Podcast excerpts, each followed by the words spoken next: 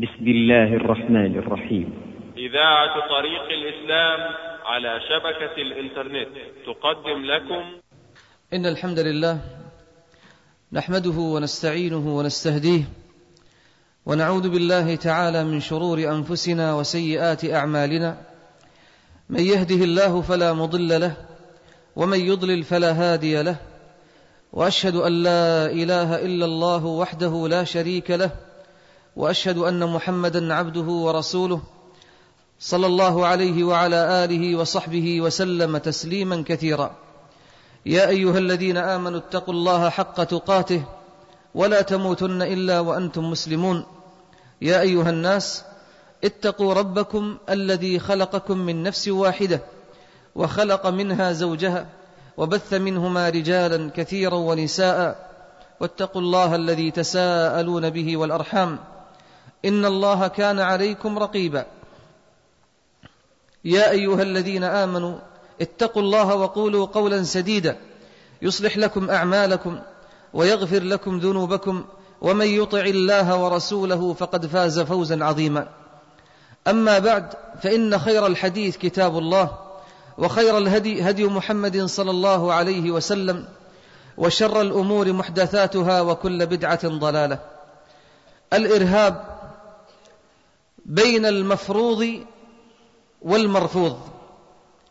أيها الإخوة إن العنف أو الإرهاب بمعناه السياسي يرفضه جماهير العقلاء إذ لا حياة كريمة بدون أمن ولا استقرار بدون أمان بل إن التغيير الذي ينشده الفرقاء في الفكر والمنطق أو المذهب والديانة لا يتم بدون رفق ولين أو حوار هادئ يقتحم عالم الأفكار. وتضامنا مع ما تسعى إليه هذه البلاد حفظها الله وحرسها في رفض العنف والإرهاب فكرا وسلوكا ومنهجا أتحدث عن الإرهاب. أيها الإخوة من خصائص الخطاب الاسلامي في عصر العولمة أنه يوضح الفرق بين الإرهاب الممنوع والجهاد الذي فرضه الإسلام ويبين مدى حرص الإسلام على مسالمة من يسالمه ومعاداة من يعاديه. والإرهاب له معنيان. الأول هو إرهاب العدو عن أن يعتدي على الحرمات وبهذا يلتقي مع مفهوم المقاومة الشرعية أو المقاومة المشروعة لأن الباعث من ورائه هو الدفاع عن النفس والحقوق والممتلكات وهذا هو الإرهاب المفروض. أما الإرهاب المرفوض الممنوع فهو الإرهاب الذي انتشر بمعناه اليوم وغلب على الكلمة الاعتداء على المظلوم وقتل المدنيين وهو بهذا المعنى محرم شرعا. وفي مثل هذا قال النبي صلى الله عليه وسلم لا يحل لمسلم أن يروع مسلما. رواه أبو داود. وسبب هذا الحديث أيها الإخوة أن رجلا تسبب في فزع مسلم أخذ منه نعله وهو نائم. وذلك على سبيل المداعبة. فانتبه الرجل فزعا.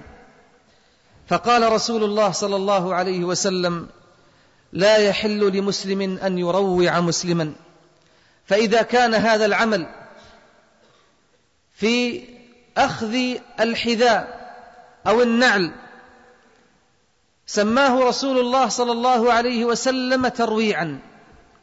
فماذا نسمي التفجير والتدمير وتخويف الآمنين من الشيوخ والأطفال والنساء؟ إن المسلمين اليوم يدينون الإرهاب بكل صوره مهما كانت دوافعه ومنطلقاته خيرة في نظر أصحابه. فمن المعلوم أن الإسلام رفض الفلسفة التي تقول الغاية تبرر الوسيلة.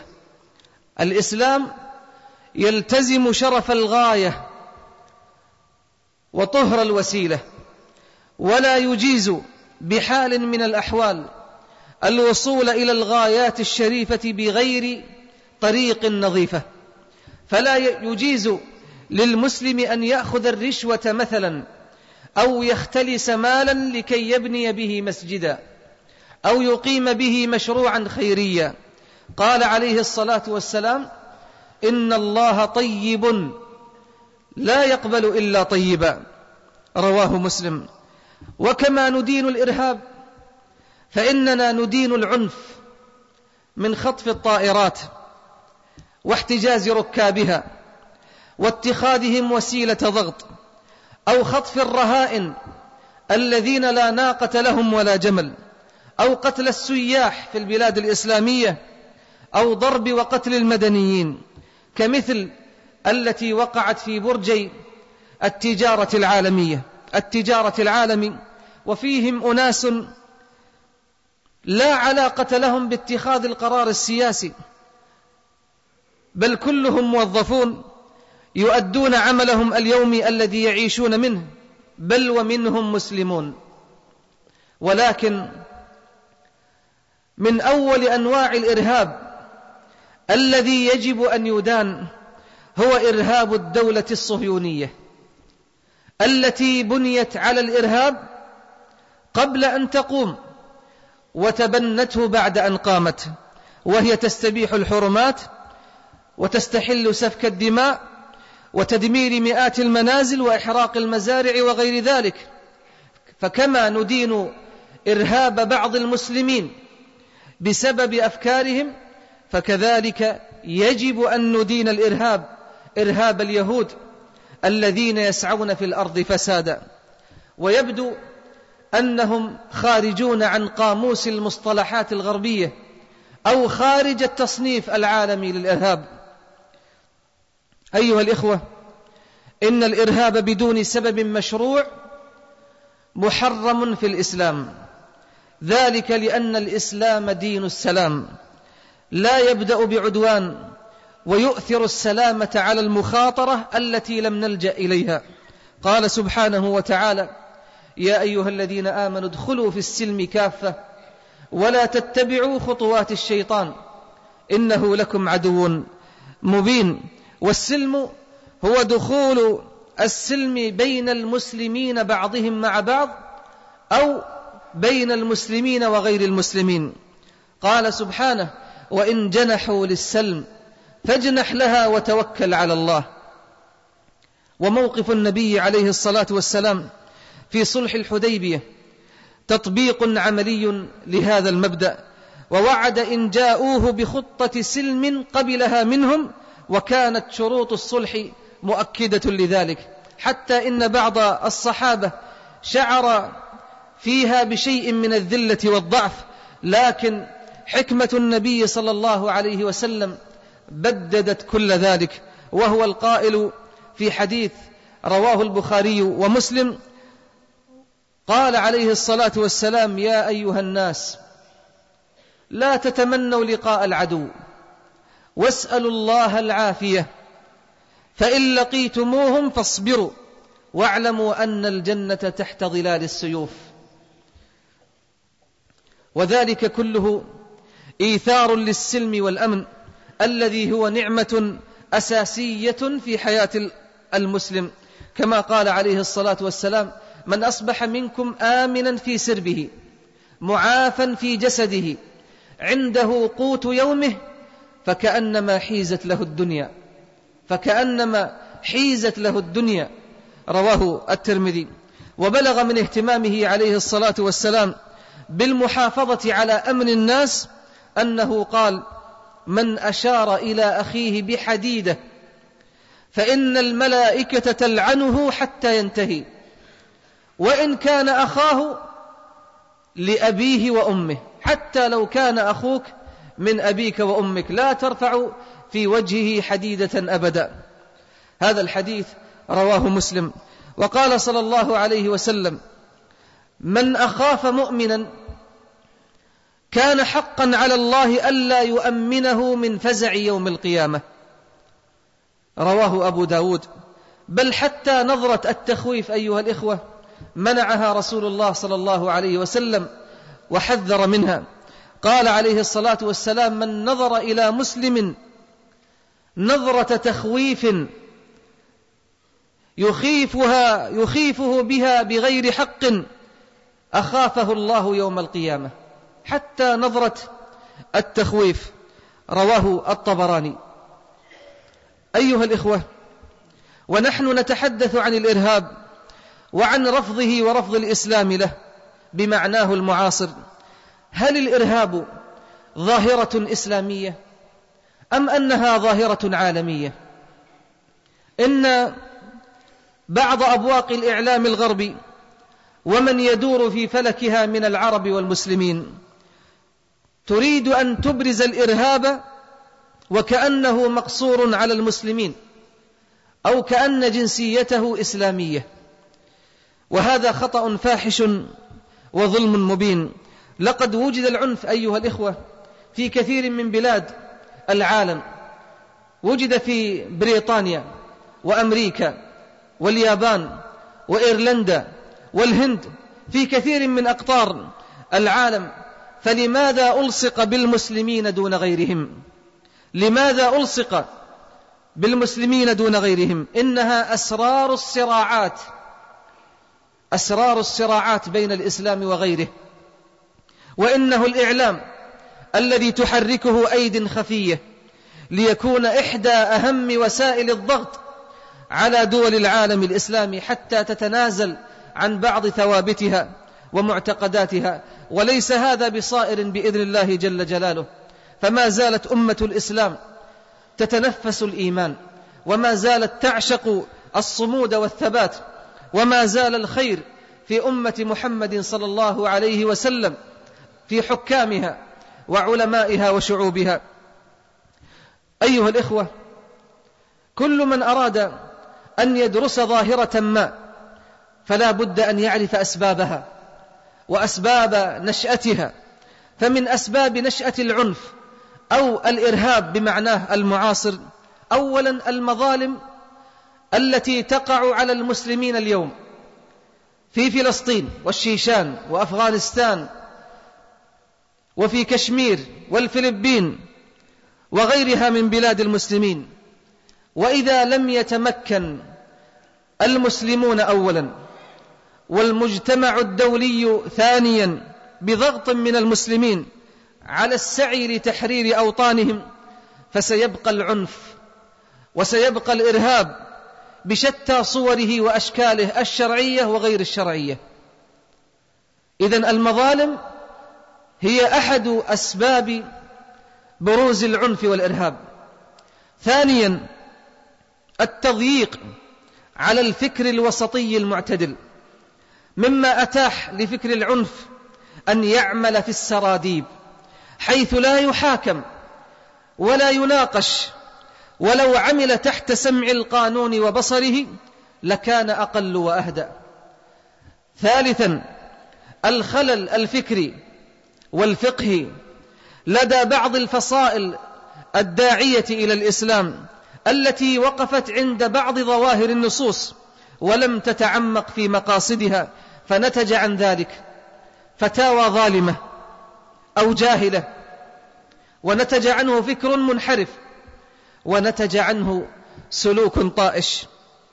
رابعا من أسباب ظهور العنف الهوة السحيقة بين العلماء وبين أصحاب الأفكار المتباينة ولو سعت الدول الإسلامية كل الدول الإسلامية لإنشاء النوادي الشرعية والثقافية والفكرية لتجميع الشباب بينهم وبين العلماء الموجهين لاستطعنا تخريج فئات من الشباب تحمل فكرا معتدلا وفكرا متوازنا. لأنها نشأت وترعرعت في ظل العلماء الربانيين والعلماء العاملين. ومن أسباب نشأة العنف والإرهاب البيئة الأولى وهي الأسرة. حين يبتلى الشاب بالأب القاسي والأم المتسلطة فلا مجال للحوار ولا مجال للنقاش أو إبداء الرأي. وبذلك تكون مخرجات الأسرة أبناء بالتأكيد يميلون للعنف بكل صوره سواء أكان عنفا دينيا يتمثل في الغلو والتطرف والتشدد أو عنفا أسريا يميل للتخريب أو المخدرات أو التنكر للمجتمع.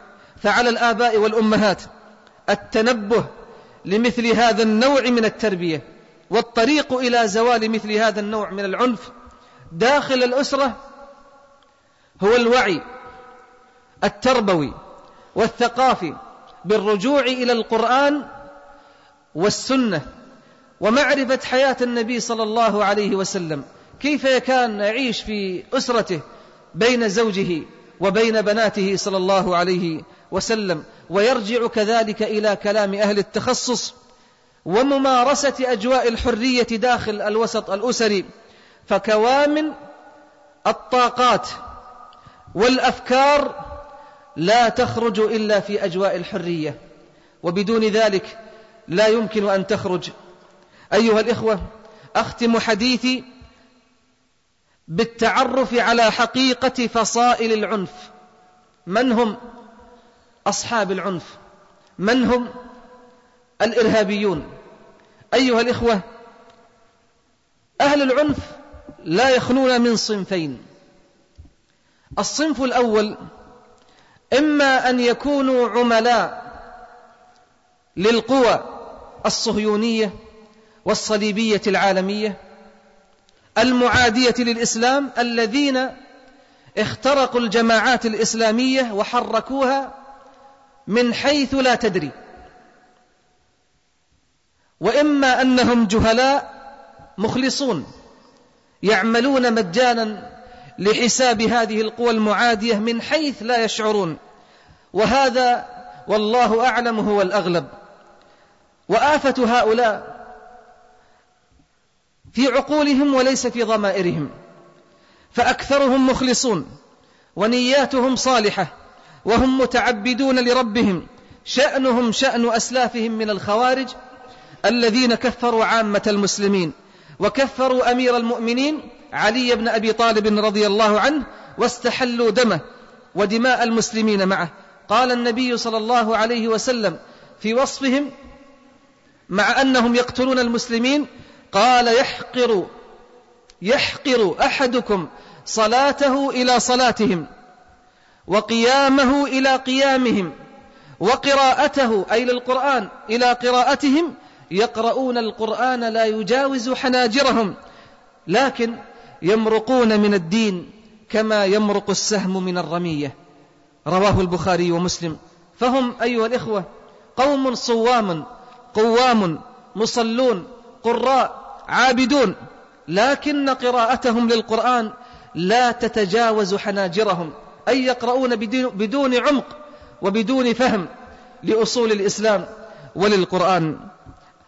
أيها الإخوة وأخيرا يجب أن على المسلمين أن يعلموا أن, أن هناك إرهابا مرفوضا وإرهابا مفروضا وهو حق المقاومة المشروعة. كما يجب أيضا أيها الإخوة ألا نقبل المصطلحات الغربية حتى نعرضها على الكتاب والسنة. فإن وافقت أخذنا بها وإلا رددناها على أصحابها. ونخشى أن يأتي يوم أيها الإخوة يوصف الإسلام كله بالإرهاب لنبقى بلا دين. يوصف الإسلام كله لنبقى بلا دين. ولن يأتي هذا اليوم بإذن الله تعالى لأن الخير باق في أمة محمد صلى الله عليه وسلم إلى قيام الساعة. وقال سبحانه ولن ترضى عنك اليهود ولا النصارى حتى تتبع ملتهم. قل إن هدى الله هو الهدى. نسأل الله جل جلاله أن يحمي أمننا وإيماننا وأن يكفينا شر الأشرار وشر طوارق الليل والنهار. أقول قولي هذا وأستغفر الله لي ولكم ولسائر المسلمين فاستغفروه إنه بر رؤوف رحيم. الحمد لله وحده والصلاة والسلام على من لا نبي بعده وعلى آله وصحبه وسلم تسليما كثيرا. إن الله وملائكته يصلون على النبي يا أيها الذين آمنوا صلوا عليه وسلموا تسليما. اللهم صل وسلم وبارك على نبينا محمد وعلى آله وصحبه وسلم, وسلم تسليما كثيرا. اللهم اغفر للمسلمين والمسلمات والمؤمنين والمؤمنات الأحياء منهم والأموات. إنك يا مولانا سميع قريب مجيب الدعوات. اللهم أعز الإسلام والمسلمين وأذل الكفر والكافرين ودمر أعداء الدين واجعل هذا البلد آمنا مطمئنا وسائر بلاد المسلمين. اللهم آمنا في أوطاننا وأصلح أئمتنا وولاة أمورنا واجعل ولايتنا في من خافك واتقاك وطلب رضاك يا أرحم الراحمين. اللهم إنا نسألك الأمن والإيمان والسلامة والإسلام. اللهم اجعل هذا العام عام عز ونصر للإسلام والمسلمين. اللهم إنا نتوب إليك فتب علينا. اللهم إنا نتوب إليك فتب علينا. اللهم إنا نتوب إليك فاقبل توبتنا يا أرحم الراحمين. اللهم أرنا الحق حقا وارزقنا اتباعه وأرنا الباطل باطلا وارزقنا اجتنابه. اللهم آت نفوسنا تقواها زكها أنت خير من زكاها أنت وليها ومولاها. اللهم إنا نسألك علما نافعا ورزقا طيبا واسعا وعملا متقبلا وشفاء من كل داء. اللهم ارزقنا فهما صحيحا في كتابك وفهما صحيحا في سنة نبيك صلى الله عليه وسلم. اللهم يا معلم آدم وإبراهيم علمنا ويا مفهم سليمان وداود فهمنا. اللهم استعملنا في طاعتك واستعملنا في مرضاتك واستعملنا في نصرة دينك وأوليائك وعبادك الصالحين. اللهم اغفر لآبائنا وأمهاتنا وجميع المسلمين والمسلمات الأحياء منهم والأموات وانصر المجاهدين في سبيلك في كل مكان. عباد الله إن الله يأمر بالعدل والإحسان وإيتاء ذي القربى وينهى عن الفحشاء والمنكر والبغي. يعظكم لعلكم تذكرون. فاذكروا الله العظيم يذكركم واشكروه على نعمه يزدكم ولذكر الله أكبر والله يعلم ما تصنعون.